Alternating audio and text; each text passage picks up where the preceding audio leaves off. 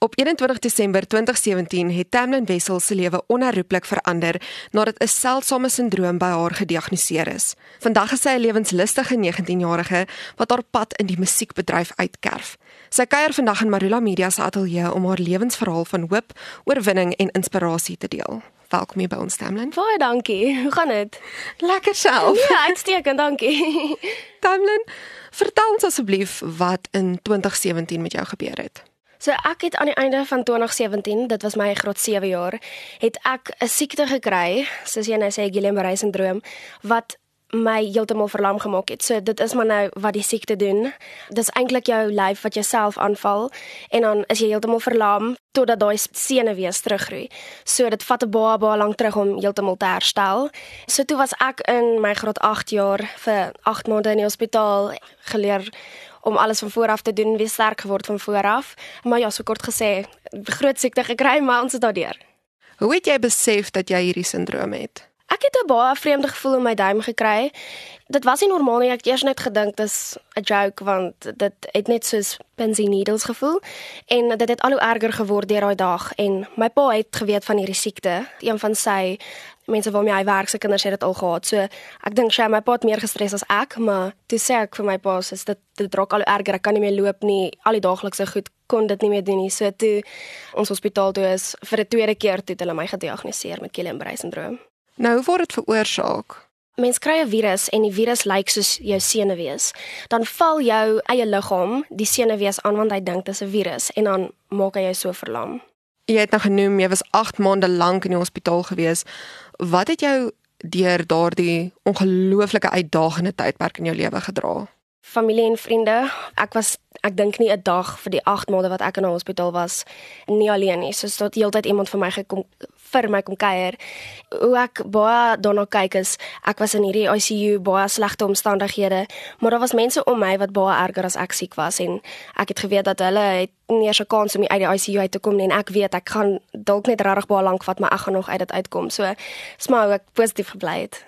Jy is en was nog altyd 'n aktiewe mens. Hoe het jy daardie kant van jou behou nadat jy met die sindroom gediagnoseer is? Ek was altyd verskriklik besig met sport. Ek het dit net verander in ander energie. Ek is nog steeds baie besig hardloop oral rond, nou net nie met 'n stok en 'n bal in die hand nie, maar ek het maar nou begin kuns doen en ek gebruik nou my energie op sing en al sulke ander goed. Jy sit hier so en mens kan amper nie eers sê dat jy hierdie agtergrond het nie. Is daar enigiets wat jy oorgehou het van daardie tyd wat jy in die hospitaal opgeneem is? Ja, so my enkels werk nog nie heeltemal nie. Ek het sulke stitte wat ek dra wat onder my voet ingaan om my voet regop te hou want hy werk nie. Hy kan nie op of af beweeg nie. Maar dis al so gewoonte, dit pla my glad nie. Dit ek voel normaal en mense sê hulle kan dit nie raak sien as ek 'n lang broek dra nie. So dis net my enkels wat nog moet herstel. Jy het verlede jaar jou skoolloopbaan by Hoërskool Waterkloof Yes. voltooi. Hoe het jou hoërskoolloopbaan gelyk nadat jy hierdie pad gestap het met die sindroom? Ek was al in ehm um, twee hoërskole vanaf toe ek nou uit die hospitaal uit gegaan het. Die kultuurkind in my het uitgekom. Ek het toe begin revue doen en ek het gesing in die revue alhoewel ek nie lekker kon dans in die musicals nie, maar dit was ek het baie van my laerskoolvriende, was nog steeds met my vriende toe ek hoërskool toe gaan. Baie makliker gemaak vir my want ek was eers toe in 'n rolstoel hoërskool toe en hulle het dit vir my baie maklik gemaak, ja. Jy het ook 'n reuse liefde vir musiek. Waar kom daardie passie vandaan? Ja, so vandat mense kleinkind is, dink ek almal sing, maar toe ek so graad 6 gekom het, toe het ek besluit, joh, ek hou regtig baie van sing en toe het ek 'n ukulele gekry. Net nooit ophou sing nie. Ek kry dit by my ma. Sy's baie musikaal, maar my pa kan my ook so nou en dan verbaas as ek hoor hy sing met die radio. Watter rol speel musiek in jou lewe? ek is iemand wat alles terughou. Ek praat nie regtig oor my gevoelens nie en dit is nogals vir my vreemd om nou vir die publiek te laat weet hoe ek voel oor goed want ek praat nie eers met soos my vriendinne en goed oor hoe ek voel nie. Ek, ek is maar iemand wat dit inhou. Die musiek laat my actually oor dit praat. So ja, nee, ek as jy my stil hoor dan is ek definitief nie okay nie. Jy het pas 'n nuwe enkelsnit, ek's verlore, uitgereik.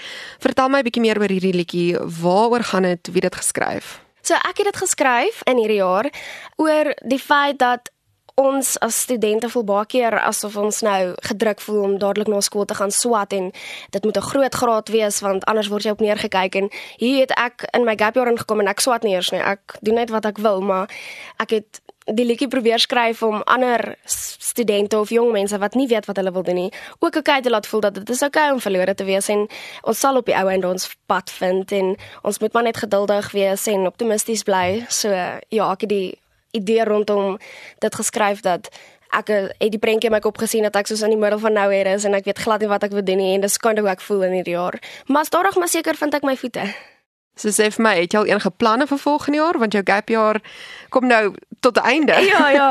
So ek dink ek gaan vir ewig in in 'n gap jaar wees veral omdat mense nou musiek doen. Dit is net heeltyd vir my lekker. My pa sê die ander dag vir my lekker werk toe ek studio toe gaan en dis ek sê, "Wow, ek gaan nou hierdie so geniet en dit is eintlik tot 'n mate werk, maar ek wil baie graag so ver music production doen."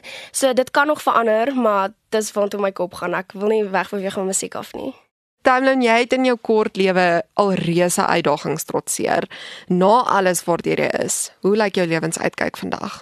Ja, nie baie kan my onderbring nie. Dis nou nie dit voel altyd vir my asof ek nou so moet brag oor hoe ek hierdie positiewe mense is, maar daar is so regtig baie min goed wat my pla omdat ek op vlak 0 was al in lewe en en ek weet soos enigiets wat ek nou doen al kan ek nie ordentlik loop of enigiets net baie beter as om in daai situasie te wees. So dis eintlik hulle sê nooit jy met jouself vergelyk nie, maar ek vergelyk net myself aan hoe ek was en dan besef ek net eintlik hoe bevoorreg ek is. So nee, ek uh, sien net 'n blink toekoms en alles is net vir my lekker. Is daar einde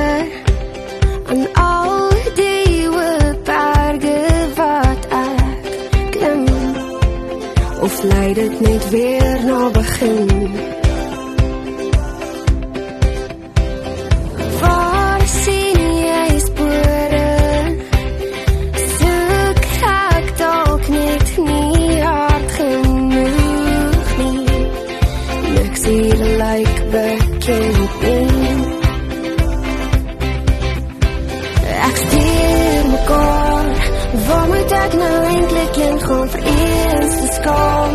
Om rondom my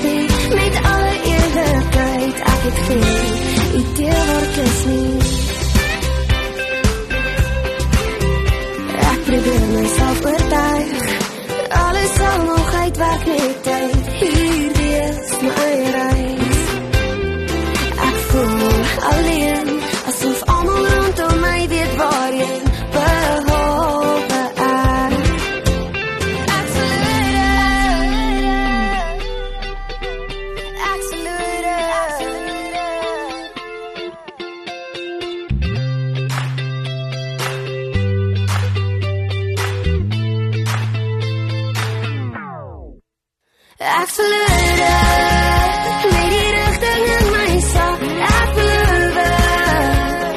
Ek weet waar jy nou stap. Ek het nooit teruggekyk of twee keer gedink nie. Met alle eerlikheid, ek het geen idee waar ek is nie.